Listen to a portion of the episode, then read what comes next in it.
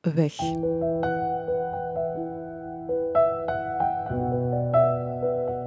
Deze podcast begint omdat zoveel dingen eindigen. Omdat je onderweg zoveel kwijtraakt. Als iets of iemand wegvalt, valt er vaak nog veel meer weg.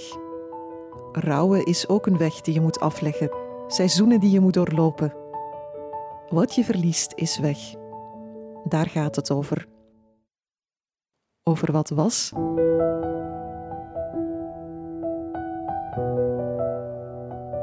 en nu weg is.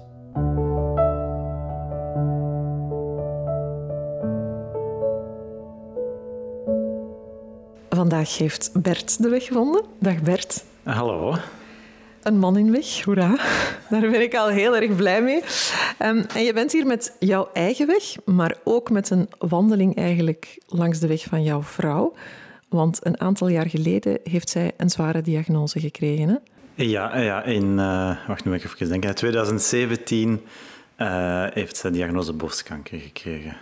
Ja. En wat betekent zo'n diagnose? Um, goh, in, in ons geval betekende dat een tumor in haar rechterborst. Kwaadaardig, redelijk groot ook. Dus ze hebben heel haar borst uh, weggenomen. En dan heeft ze een zware behandeling ondergaan van uh, ja, die operatie, chemotherapie, bestraling. Uh, en ook nog bijkomend vijf, misschien tien jaar hormoononderdrukkende medicatie. Dus dat is nu in een zeer zware menopauze. En hoe oud is jouw vrouw? Uh, zij is, nu moet ik even denken, hè, 37 nog altijd. 37. Ja, dus ze had de diagnose nu vier jaar geleden, dus ze 33 was. Ja, ik kan me voorstellen op dat moment dat je nog allerlei plannen hebt die misschien niet combineerbaar zijn met een diepe menopauze? Ja, ja we, waren, we hebben twee kinderen en we waren eigenlijk bezig voor een derde. Allee, dat was al iets misgelopen, ongeveer halfweg de zwangerschap in 2016. Dus we waren nog volop aan het proberen, uh, maar dat, is dus, ja, dat zal er niet meer van komen. En we waren toen ook uh, net een huis aan het bouwen. De bouwaanvraag was goedgekeurd. Uh, de bouw ging net starten en we hebben dan wel beslist om dat gewoon verder te doen. En waarom was dat een moeilijke beslissing? Financieel dat was, of, Dat, dat was een beetje twijfel van wat doen we daarmee? Wachten we daarmee? Gaan we eerst door die moeilijke periode door? Ja, financieel ook, want een schuldsaldoverzekering is niet evident. Um, maar we hebben dan gewoon gezegd, van, we gaan dat doen. We gaan niet alles op pauze zetten hiervoor. Uh, en dus hebben we dat gewoon allemaal gewoon gedaan. En is dat haalbaar om niet alles op pauze te zetten? Um, gewoon achteraf bezien denk ik dat we dat beter niet hadden gedaan. Dat is gewoon heel veel. Zo'n behandeling, er komt heel veel op je af. En je kunt dat wel feitelijk zeggen van we doen dat. Maar al die emoties en zo, dat blijft daar zitten. Dat heeft heel veel tijd nodig om, om verwerkt te geraken. En als je voortdoet, dan kom je dat later wel tegen. Ja, ik kan me voorstellen voor haar. Maar voor jou als partner? Uh, ja, hetzelfde. Hè. Dat is... Goh, dat is heel moeilijk. In het begin valt dat op zich vreemd... Ja, dat klinkt misschien raar, maar op zich valt dat nog mee, omdat er heel veel mensen spontaan contact opnemen, praten. Dus je kunt heel makkelijk van alles kwijt. Maar één keer die behandeling langzaam op zijn einde is dat gedaan. Um, en dan is het eigenlijk nog niet gedaan voor dan, is, dan begint het eigenlijk pas. Maar je denkt dan zelf ook van ja, het is gedaan en nu gaan we verder. Want zij is zelf ook uh, een aantal weken vroeger beginnen gaan werken dan ze strikt genomen moest. Dus ze heeft daar ziekteverlof ingekort, omdat ze deel wou uitmaken van de maatschappij.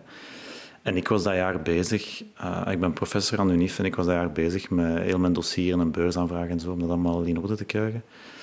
Dus ik heb daar ook gewoon aan voortgedaan. Um, ja, ik heb zo, of wij hebben alleszins niet de reflex om alles op pauze te zetten als zoiets gebeurt. Uh, allee, dat doen we nu eigenlijk, met een paar jaar vertraging. En waarom zeg je, eigenlijk begint het pas na de behandeling? Um, omdat dat heel je leven overhoop haalt, maar je hebt dat in het begin niet door. Zo, het leven heeft twee snelheden. Zo, de dagelijkse... En je voelt je dan niet goed en je weet niet goed waarom. En als je dan terugkijkt, dan besef je van... Ah, ik was eigenlijk bezig met bijvoorbeeld het verwerken van zoiets. Of, of...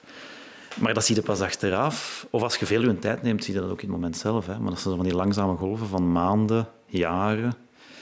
En, en dat heeft gewoon tijd nodig. Dat is, alles is opgeschud en dan heeft een paar jaar nodig voordat dat terug neerdwarrelt. Zoals een sneeuwbol. Ja, ja. En maar ja, ja, dat ziet je pas achteraf. Zo. Mag ik met jou even teruggaan naar het moment dat die diagnose valt? Was jij daarbij? Of, of... Ja, um, was eigenlijk, eigenlijk is het heel toevallig. Um, zij was met een paar vriendinnen die ze lang niet had gezien gaan eten. Um, en één daarvan is voetvrouw. Die had een opleiding of een, een bijscholing gevolgd over, ik denk, in de eerste plaats borstkanker. En ze zei van, ah ja, we moeten nu eens wat weten. Zei ze, van, ze denken altijd dat je je borst moet controleren op knobbeltjes. Maar als er bijvoorbeeld een deuk in zit, is dat waarschijnlijk ook borstkanker. En dan ging er bij mijn vrouw, Evelien, zo'n lichtje branden van, hmm, ik heb een deuk in mijn borst. Dus dat was in alle staten. En ze is dan ook daarna naar huis gereden. Ik lag al te slapen, dus me wakker gemaakt. En uh, ja, ze maakte zich zorgen. En uh, ja, ik heb gedaan wat ik normaal doe in zo'n situatie, de gsm nemen en gaan kijken van oké, okay, wat zegt dokter Google? Want meestal vind je dan tientallen mogelijkheden, dan zijn je direct gerustgesteld. Maar in dit geval kwam er maar één ding eigenlijk. En we hadden dan ook zo wat beelden gevonden van citroenen, van mogelijke aanwijzingen. En dat was, ja, die citroen met de deuk was een kopie van haar borst. En dan is ze naar de huisdokter geweest, die ook iets voelde.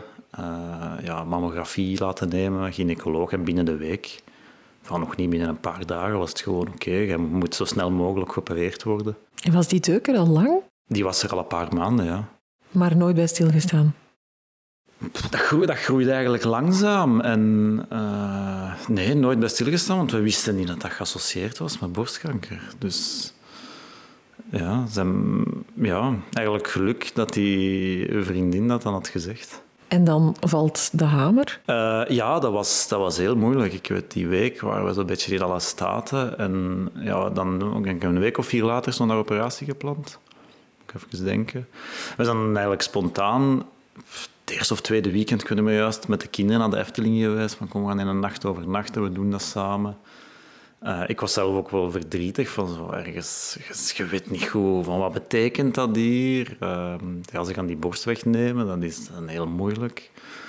Ja, ze zelf ook. Van, ja, vooral ja, die doodsangst, hè, enorm.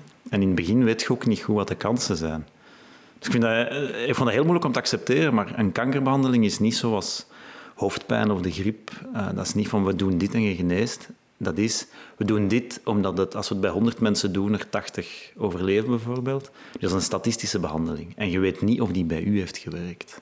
En wanneer weet je dat wel? Weet je dat nu al? Je weet dat als je er niet aan sterft, eigenlijk, om het goed te zeggen. Dus je weet dat nooit. Nee. Ze kunnen dan, dat kan zijn dat die tumor dan nog, of die kankercellen nog altijd ergens zitten, dat dat nu al aan het uitzaaien is. Je weet dat niet. Dus, en als het gewerkt heeft, dan is zij even gezond eigenlijk dan, dan wordt zij nu nog nabehandeld. Misschien zelfs nodeloos, maar je weet het niet. Ze hebben alleen die statistieken van tienduizenden, honderdduizenden vrouwen wereldwijd. En op basis daarvan kiezen ze de behandeling. Ik vond dat verschrikkelijk om te accepteren in het begin, want je kijkt dan naar die cijfers en in het begin weet je weinig. En dan zie je van ja, minder dan 50% overlevingskans. En dan zet je even in alle staten. Dan weet je meer en dan begint dat te stijgen. En zij zelf van nooit uh, overlevingskansen weten, ik wel.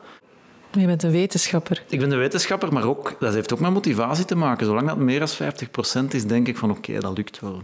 En als dat minder is, dan is het heel moeilijk om zo je daarover te zetten. Jouw vrouw krijgt de diagnose, maar jij moet wel ook mee in dat verhaal. Aan de zijlijn is het denk ik is het moeilijker als partner of moeilijker als zieke? Goh, ik denk toch nog altijd als zieke. Uh, ik, allee, ik, heb nu, ik heb nu al doodsangst en ik, ik heb zoiets niet meegemaakt. Dus dat is, dat is verschrikkelijk, van dat besef. Ze zegt dat ook en ik kan me dat goed inbeelden. Maar je bent alleen. of ons zet je daar alleen in. Um, en als je dat niet hebt doorgemaakt, dan kun je eigenlijk niet echt weten hoe dat is. Uh, en, en ik denk dat dat toch het moeilijkste is eigenlijk. Je zegt, we gingen een weekendje naar de Efteling met de kinderen. Hoe, hoe, hebben jullie hen erbij betrokken en hoe oud waren ze toen? Uh, zij waren vier jaar geleden, dus wacht, dan zat de oudste in het eerste leerjaar en onze zoon in de tweede kleuterklas. Uh, we hebben daar van in het begin eigenlijk verteld wat er aan de hand was. Goh, in een verstaanbare taal, maar wel met de juiste woorden. Uh, dat er dus dan iets zat in haar borst dat haar ziek kon maken, waar dat ze misschien ook aan kon doodgaan. Ook. Alleen maar zo... Ze vragen, wij antwoorden. Um... En kinderen durven wel alle vragen stellen, hè? Ja, ja, maar we hadden de indruk eigenlijk dat die daar heel oké mee omgingen. Zeker onze dochter en onze zoon. Ja, eigenlijk achteraf zien we, maar ja, dat is niet oké geweest. Want in de jaren daarna, die heeft dan last gekregen. Hij is, hij is wel zo wat impulsief zo. Die kreeg last van woedeaanvallen. Uh, kwaad zijn, dingen zeggen als ik wil dood, zonder, en dan vroegen we daarachter. En eigenlijk weet hij niet goed wat dat betekent, maar dan beseft je van, dat heeft daarmee te maken. Um, dus ik denk dat hij heel goed besefte dat zijn moeder opeens kon verdwijnen. Zo. Wat voor een jong kind, voor een kind? Dat, ja, dat kan normaal niet. Hè. Dat is, uh, ja. Niet de logische... Of, ooit wel de logische gang van zaken, maar niet als je nog zo klein bent. Ja, daar zijn die nog niet mee bezig. Nee. Dus dat is heel, uh, heel, ja, heel moeilijk gewoon. De borst is uiteindelijk weggenomen. Ja. Hebben jullie daar afscheid van genomen? Uh, ja, goh, ik ben aan het denken, we hebben dat niet expliciet samen gedaan, maar ik heb alleszins wel een, een, een rouwproces zo in die maand doorgemaakt. Ik weet dat we dan ook samen nog eens gaan shoppen, zo, kleren gaan kopen. Dat een nieuwe bleke jeans en een toffe, zo lichtroze trui erop. En ik weet, als ik ze dan zag zitten met vriendinnen aan het praten of zo, dat ik echt dacht van, dit is nu het lichaam en binnen een week zal het anders zijn. Dus eigenlijk wel heel bewust. En ik... Ja, het is niet dat we dat samen hebben van... Ik weet niet meer juist hoe dat was. Dat was wel heel erg aanwezig.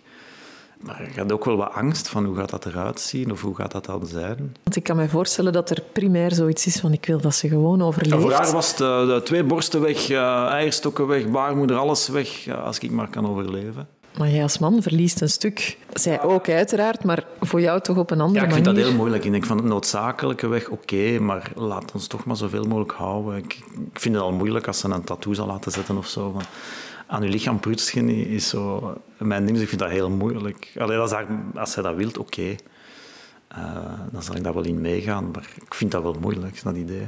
Ook toen nog, zeker dat idee ook, van ik dacht van, dat is nu vijf jaar en dan die behandeling, vijf jaar hormonen, daarna dan is ze 38. Op zich kunnen we dan misschien nog, nog eens aan kinderen beginnen. Zo. Dus ik wil dat niet opgeven.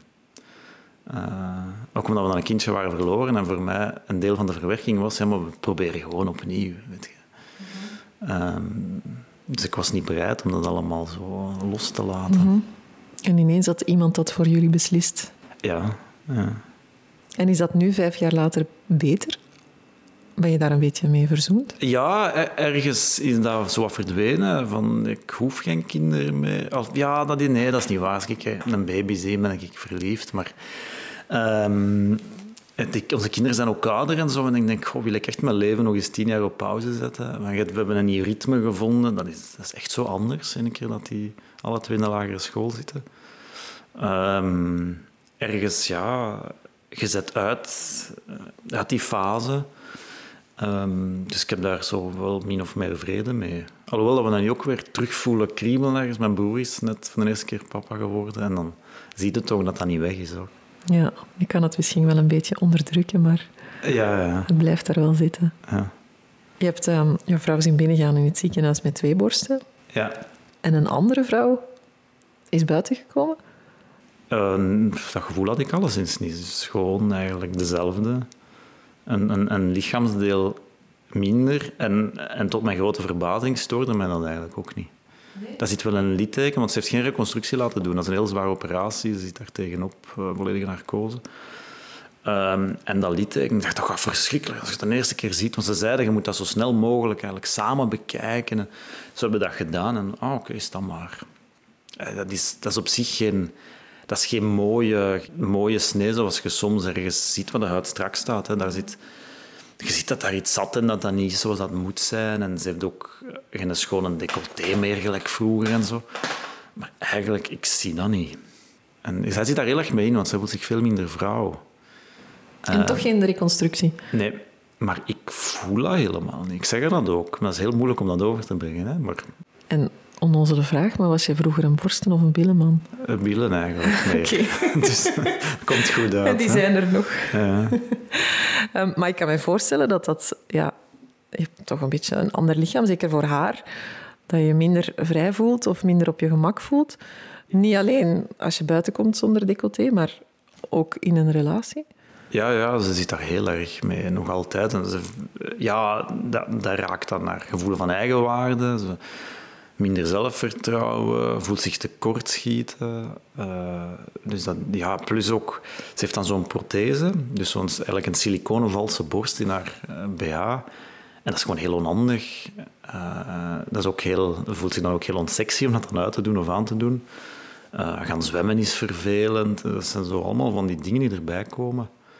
Um, eigenlijk op een leeftijd dat ze zelf iets had van ja, maar ik voelde me net eigenlijk volledig vrouw. Van eindelijk heb je gevonden in welke kleren dat je goed voelt, hoe dat je mooi kunt maken, voel je oké bij je lichaam.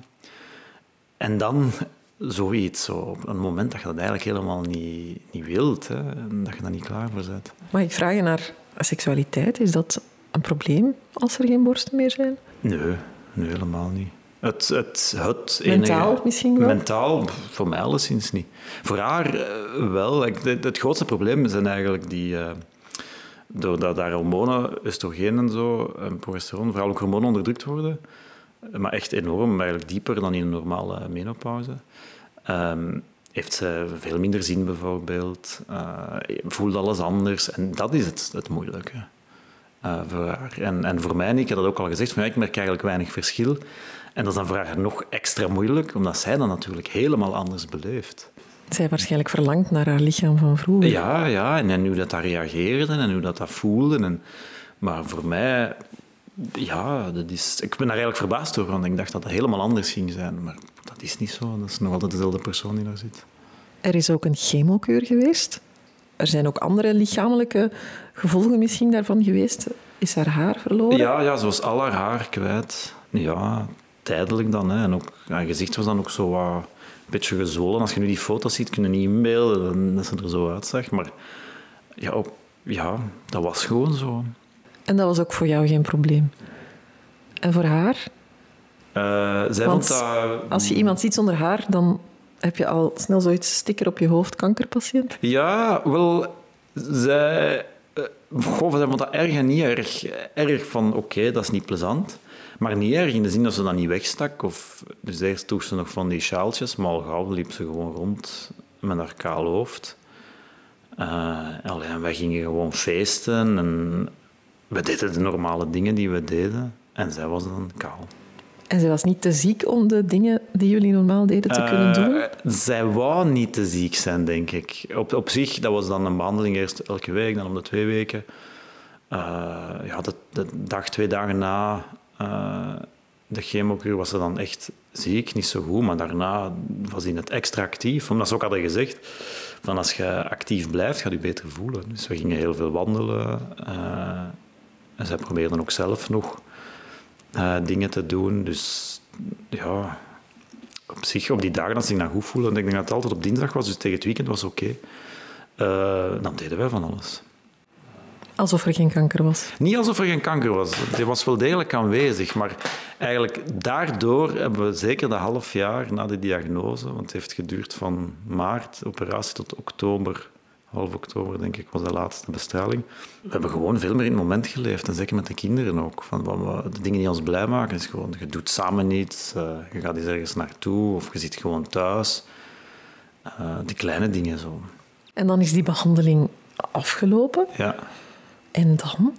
Eh, ja, en dan eigenlijk al voordat hij gedaan was, was hij al gedaan. In de zin dat ik terug hard begon te werken, ook september, oktober, academiejaar begint terug en zo. Terug hard begon te werken, wil dat zeggen dat hij ook eventjes... Eh, ja, ik heb een paar maanden wat minder gedaan, maar dan in de zomer voelde ze zich al beter. Dan begon ik terug meer eh, van thuis uit aan te werken. En dan ja, september zit je terug op een bureau. En zij zei ook van, oh, maar die bestraling is zo erg, niet, je hoeft niet mee te gaan. Dus ik ben misschien maar één keer mee geweest en achteraf vond ze dat wel heel erg. Dus dat is zo, ik zeg, oké, als het niet moet, dan moet het niet. Maar eigenlijk denk ik van, je moet gewoon meegaan. Ook al is dat fysiek veel minder zwaar, dat blijft mentaal verschrikkelijk. Uh, ja, zij hadden een enorme drang om terug te gaan werken. Ze voelen zich geen deel van de maatschappij. Van, je, hebt kanker, je bent afgeschreven. Zo, en ze vond dat verschrikkelijk. Dus ze is dan twee weken te vroeg eigenlijk begonnen, deeltijds. Ehm, maar al na een aantal, ik weet niet, binnen het half jaar of zo werkte hij terug voltijds. Ja, dat is van de mutualiteit. Um, met de controlearts, die belde dan of dat moest langs gaan. Um, en deed dan eigenlijk deeltijds, werken deeltijds op uh, ziekteverzekering. Zo. Maar uh, ja, daar, die zeiden dan echt ook dingen als... Uh, ja, het is wel niet de bedoeling dat je dat jarenlang zo blijft doen, want sommige mensen... Hè, die zien dat dan als uh, deeltijds gaan werken. En ze had daar zo genoeg van, dat ze zegt van, nou, ik gewoon voltijds gaan werken. Dus je maakt zoiets mee en dan komen ze nog een beetje op je kap zitten van... Ja, eigenlijk wel. Terwijl van, ja, maar wacht, is, is, is hier twee weken vroeger gaan werken. Ze, ze wil echt hè, tonen van, ik, ik wil er zijn. En dan inderdaad ja, wordt je weinig met rust gelaten. Ja, maar wacht, iemand heeft een half jaar geleden... Zit nog, hè, het levensbedreigende ziekte, dat is hier nog zeer actueel. En en dan wordt er al gesproken over zoiets. Dat is eigenlijk ja, niet oké. nee, dat is echt niet oké. Maar ja, nadien wreekt zich dat. Hè. Dus uh, zij zit nu sinds eind augustus terug in ziekteverlof. Maar dan even voor de mentale belasting. Ik ook trouwens. Ehm, dus ja, zeker niet te vroeg terug gaan werken, zou ik zeggen. Omdat jullie toen doorgegaan zijn en die klap nu komt? Ja, ja, eigenlijk wel. Want ik ben toen al uh, in 2018, want ja, ik heb heel hard gewerkt om te raken professioneel waar ik ben. En we hebben al eh, wel wat tegenslagen tegengekomen, ook in de jaren voordien. Dus ik ben na die behandelingen, zo 2018, dat ik dan mijn professorpositie had, contact getekend, heb ik gewoon ouderschapsverlof genomen. En ik heb de datum van het ouderschapsverlof niet gehaald. Ik ben drie weken op voorhand kon ik gewoon echt niet meer gaan werken. Nog drie weken ziekteverlof. Dus ik heb eigenlijk gedaan alsof ik ouderschapsverlof nam om eigenlijk recuperatie te kunnen nemen. En ik ben na vier maanden terug beginnen werken, maar eigenlijk was dat te vroeg. Ehm, en dus ja, ik ben gewoon nu terug tot in de zomer, zeker met die corona, doorgegaan tot ik echt gewoon letterlijk niet meer kon. Niet meer slapen op vakantie, niet kunnen ontspannen, echt gewoon niks meer doen. En ze eigenlijk ook. En op hetzelfde moment zijn wij gewoon uh, eind augustus van alles gaat terug beginnen, zo. schooljaar, kinderen. Uh, alle twee ja, Gesneuveld. Gesneuveld, ja. Zij dacht eerst nog van, geef mij een week ziekte, dokter, en ik kan er weer tegenaan. En dat is dan altijd verlengd. Bij mij zei de dokter, maar ik wil dat je nu wel uh, op je werk zegt dat je stopt, want anders ga ik je dwingen. En dat was dan direct voor een aantal maanden. En voel je ondertussen dat er al een soort rust aan het komen is? Ja, ja zeker, zeker. Want de grootste ding tussen ons was eigenlijk onze relatie ook. Want de laatste paar jaar, we praten nog amper, omdat ik kon zo weinig aan. Dus ik focuste op mijn werk en dan misschien wat kinderen en de rest was gewoon te veel. Um, maar ja, er is heel veel als koppel. Uh, het kinderen, werk, we hebben dan juist een nieuw huis. Dat, vraagt heel veel. En als je daar dan van elkaar wegloopt, of ik toch uh, wegloop, dan, ja, dan gaat er veel kapot. En dat heeft minstens zo lang nodig om terug, uh, opgebouwd te worden. En komt dat door door die kanker, door al die zaken? Of komt dat door de drukte van het leven met jonge kinderen? Goh, eh, wat leven presenteert iedereen wel met een en ander van tegenslagen. Uh, we hebben denk ik alle twee een manier van daarmee omgaan die op lange termijn niet goed werkt. En dat is het gewoon doordoen. Um, ik weet dat we, omdat onze zoon een woedaanval had, naar een psycholoog waren geweest, kinderpsycholoog een paar keer. Eigenlijk de laatste, we zijn drie keer geweest alleen en dan zou hij eens meegaan. En de laatste keer als we daar alleen zaten, uh, we zaten daar altijd met zo'n notitieboekje op school te noteren. En die psycholoog lachte eigenlijk een beetje met ons. Van, dat zijn echt typisch zo, ouders die gestudeerd hebben aan het noteren. En uh, zegt van, ja, maar goh, uw zoon wordt dan boos en die laat zijn emoties zien. Wat doen jullie eigenlijk als er zoiets ergs gebeurt? Van, zijn jullie eigenlijk verdrietig geweest of boos of zo? Bijvoorbeeld die kanker of andere dingen. En dat, dat was eigenlijk een schok van, maar wacht, wacht, wacht. Hoe gaan wij om met emoties? Ja, niet. Of bijna niet. En niet openlijk. En zeker niet aan de kinderen. Dus we zijn uiteindelijk met onze zoon nooit geweest. Dat was gewoon iets van, hé, maar wacht. We moeten daar zelf... Allee, moeten. We willen daar zelf iets aan doen. Um, dus goh, ik denk... Afhankelijk van hoe je ermee omgaat, kun je meer of minder aan. En wij dachten dat we, daar, dat, we dat wel aan konden. Maar eh, ja, als je het hebt eigenlijk gewoon veel tijd nodig om niks te doen, om dat allemaal te laten opkomen en terug bezinken. Zo. En dat is iets wat soms in onze maatschappij een beetje moeilijk ligt. Hè? Dat is, ligt een beetje moeilijk, ja, absoluut. absoluut. Zo, verdrietig zijn mag precies niet. Uh, terwijl dat, dat bij het leven hoort. Hè. Dat in de winter zijn we allemaal een beetje down en in de zomer zijn we allemaal een beetje happy. Dat hoort erbij. Als je zegt dat, um, dat je al meteen wordt aangemaand over zo snel mogelijk terug fulltime aan de slag gaan, dan maakt dat ook meteen duidelijk dat de tijd die je misschien wel nodig had, zelfs daar eigenlijk al wordt beknot. Hè? Ja, ja. Ja, en dat is een... Dat is, die kleine dingen kunnen mentaal heel belastend zijn. Zouden we dat beter kunnen doen? Ja, ja ik denk het wel. Maar, maar hoe, dat is een moeilijke vraag. Want bijvoorbeeld in Evelina geval, er was... Uh, aan het ziekenhuis verbonden was er een, uh, hoe heette het, een trajectbegeleidster. Die dan meer voor de psychologische zaken ging, maar dat klikte niet zo goed.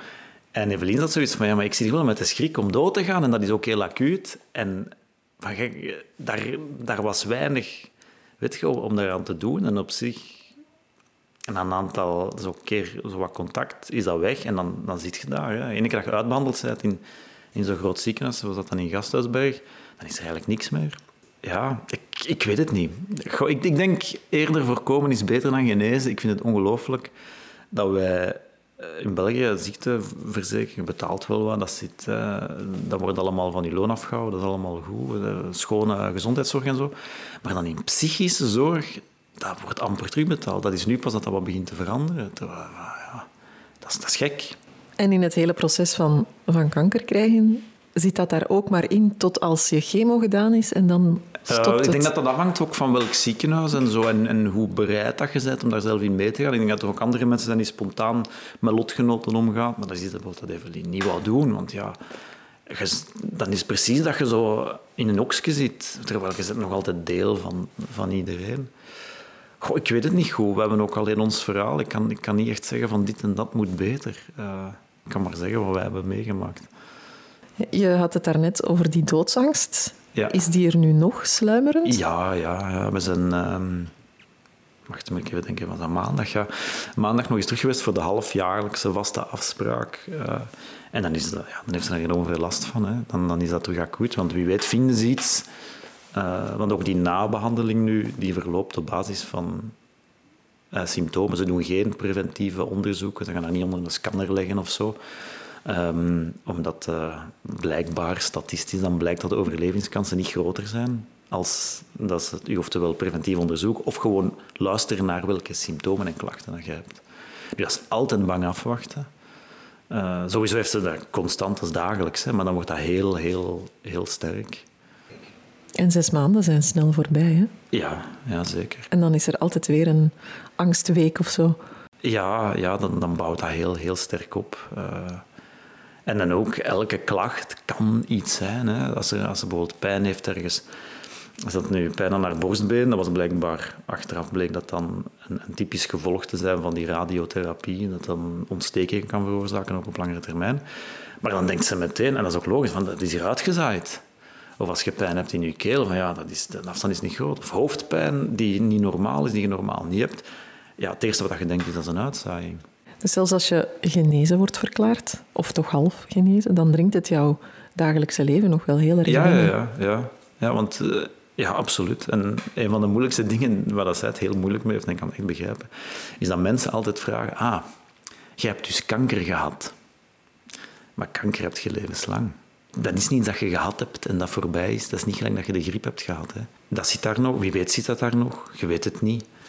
Um, dat kan terugkomen. Als het terugkomt, dan weet je dat het zo goed als zeker het einde betekent. Binnen een aantal jaar waarschijnlijk. En dat is verschrikkelijk ondragen. Hoe belemmert jullie dat in het dagelijkse leven, in jullie relatie? Nee, goh, in, in het begin, die eerste periode, leeft je zo eh, meer van dag tot dag. En wat is echt belangrijk. Maar je kunt niet de toekomst uitstellen. Dus je maakt gewoon plannen. Eigenlijk vergeet je dan in je dagelijks leven. Ga er gewoon terug door en begint terug plannen te maken en jaren in de toekomst te kijken. Dus dat belemmert ons in die zin niet. Alleen komt, ja, leeft je daarmee. Uh, en af en toe speelt dat op. En hebben jullie wel open gesprekken gehad over de dood, bijvoorbeeld? Uh, we praten daar wel over, dat is heel moeilijk. Omdat, ja, ik zit niet in die situatie en dat is heel moeilijk om daar over te praten. zij voelt dat ook heel sterk, van ja, zolang dat je niet dit echt hebt en dat het morgen echt gedaan kan zijn, is dat heel moeilijk om te dragen. dus dat is, dat is moeilijk om over te spreken. Dus jullie zitten eigenlijk op een verschillende route in dit verhaal. Een beetje. Uh, ja, ja, we staan aan twee verschillende kanten. En we hebben ook andere manieren om daarmee bezig te zijn. Ik, ik denk niet te graag na over wat als het hè, dan zo gedaan is. Ik denk, ja, nee, gewoon. We gaan ervan uit dat dit goed komt. Dat is mijn manier om, om daar naartoe te kijken. Terwijl zij meer soms wat pessimistisch is daarin of zo. Dat, dat hoort ook bij het trouwproces, denk ik. Uh, dus, en dat botst soms wel eens. Als je terugkijkt van aan de diagnose tot vandaag, wat was voor jou dan het moeilijkste? Of wat is het moeilijkste? Uh, het, het moeilijkste uh, vind ik alle onbewuste reacties van ja, zowel bij, maar in de eerste plaats bij mij, omdat ik dan aan mezelf denk, uh, op zoiets. Dat je heel veel dingen die gebeuren, die je niet doet, wel doet, en dat je eigenlijk niet doorhebt dat het een reactie is op al die dingen die gebeurd zijn. En dat is heel moeilijk om dat te voelen, waar dat vandaan komt. En achteraf denk je van, ah ja, dat was daarom bijvoorbeeld dat het slechter gaat in je relatie. Of, of dat je heel hard begint te werken. Of dat je bepaalde dingen zweert van nooit meer dit of dat te doen. Ik, heb een reflex om zo controle te houden in moeilijke omstandigheden. En dat is gewoon moeilijk. Om, dat, gebeurt van alles. Je kunt niet voorspellen wat dat juist gaat zijn. En op het moment zelf wil je dat aanpakken door... Je denkt dat je dan... Oh ja, maar het is omdat ik gisteren dat heb gedaan. Maar dat is niet waar. Dat is gewoon omdat er... Je hebt iets heel ergs meegemaakt dat je overhoop legt. En, um...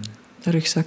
Ja, voilà. En dat kan elke dag komen. Of dat, dat kan een tijd weg zijn. En, en ja, en je denkt ook, of ik denk dan van, ik, doe, ik ga nu voor dit, bijvoorbeeld iets van werk of iets met de kinderen, maar je sleept dat mee. En dat, ja. Ben je nu aan die rugzak begonnen? Ja, ja, absoluut, absoluut. En is het lastig? Ja, ja, het is altijd opnieuw zo dezelfde, dezelfde issue of dezelfde manieren van met zo moeilijke dingen omgaan. Uh, van dat gaat dan open, je voelt dan van alles en dan stikt het dan weer dicht om, om verder te doen. En dan, dus dat is zo uh, een processie van nacht. maar je gaat wel vooruit uiteindelijk. Maar... Ja, twee stappen terug, één vooruit, maar uiteindelijk wel. Ja, het, is misschien omgekeerd, hè? twee stappen vooruit. Twee stappen vooruit, eentje terug, sorry. Ja. Zo, ja.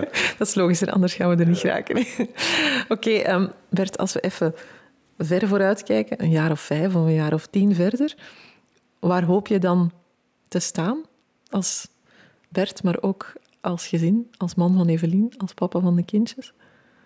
Gewoon eigenlijk heel sterk leven naar ons gevoel en wat wij belangrijk vinden. Omdat we hebben dus een nieuw huis gebouwd en eigenlijk zijn we er niet gelukkig mee. Dus we hebben meer geld uitgegeven dan we wouden. Omdat dat net in een moeilijke periode was en dat we dachten van kom, we gaan niet op een cent zien, dat moet hier goed zijn. En dan zijn we ergens beland in een richting van dat is te strak en, en we hebben meer liever wat rommel en overal boeken en zo. En dat, dat was er allemaal niet. Alles stak achter kasten. Dus we zijn nu bezig met dat te veranderen. En het moment voor ons, en ook voor Evelien, want dat was het moment dat ze dat ook inzag, was een aantal maanden geleden lagen in bed met corona zijn we een paar keer verhuisd om een bureau te kunnen inrichten. En ons bed verplaatst. We staan nu op zolder, die is open trap is open. En er staat ook een ventilatieunit. Zo. Nieuwe woningen hebben een ventilatiesysteem. Dus dat zoomt en daardoor slapen wij slechter. En we lagen dan in bed en ik zei van kijk, we hebben nu honderdduizenden euro's uitgegeven en wij slapen naast de ventilatieunit. En Evelien had zoiets van, oh my god. Dat is het. Van, je hebt heel veel geld uitgegeven en je hebt eigenlijk weinig basiscomfort. En dus waar dat wij nu aan het werken zijn eigenlijk, omdat we voelen van we willen dat terug, en waar dat we naartoe willen, en als je zegt 15 jaar, is dat gewoon weet minder geld uitgeven, maar wel niet slapen naast de ventilatieunit. En ook in ons leven, in alle dingen, van zien dat je geld en je tijd en je energie gaat naar wat dat je belangrijk vindt. En dat ook meegeven aan de kinderen. Maar je, je moet niet slaaf zijn van een lening of slaaf zijn van je baas of, of slaaf zijn van wat je denkt dat een andere wilt in de relatie. Maar gewoon luisteren naar wat dat je echt belangrijk vindt. En dat is heel weinig eigenlijk. Maar geen zoom naast je bed. Ja, voilà, inderdaad. inderdaad. Dus uh, ja, er is iemand geweest om er een muur te komen tussen zetten. Dus dat komt niet nodig. Mag ik het jou toewensen, Bert, dat jullie die rommel terugvinden ja, in het ja, leven? zeker, dank u. Um, mag ik je ook bedanken om zo open te praten over um, dit onderwerp van een andere kant, wat we niet altijd toch uh, Met alle horen. plezier. En veel succes nog met de weg. Want ik denk dat je nog wel een beetje moet stappen. Hè? Ja, ja, ja, de weg is nog lang, maar we gaan de goede kant op. Dank je wel. Graag gedaan.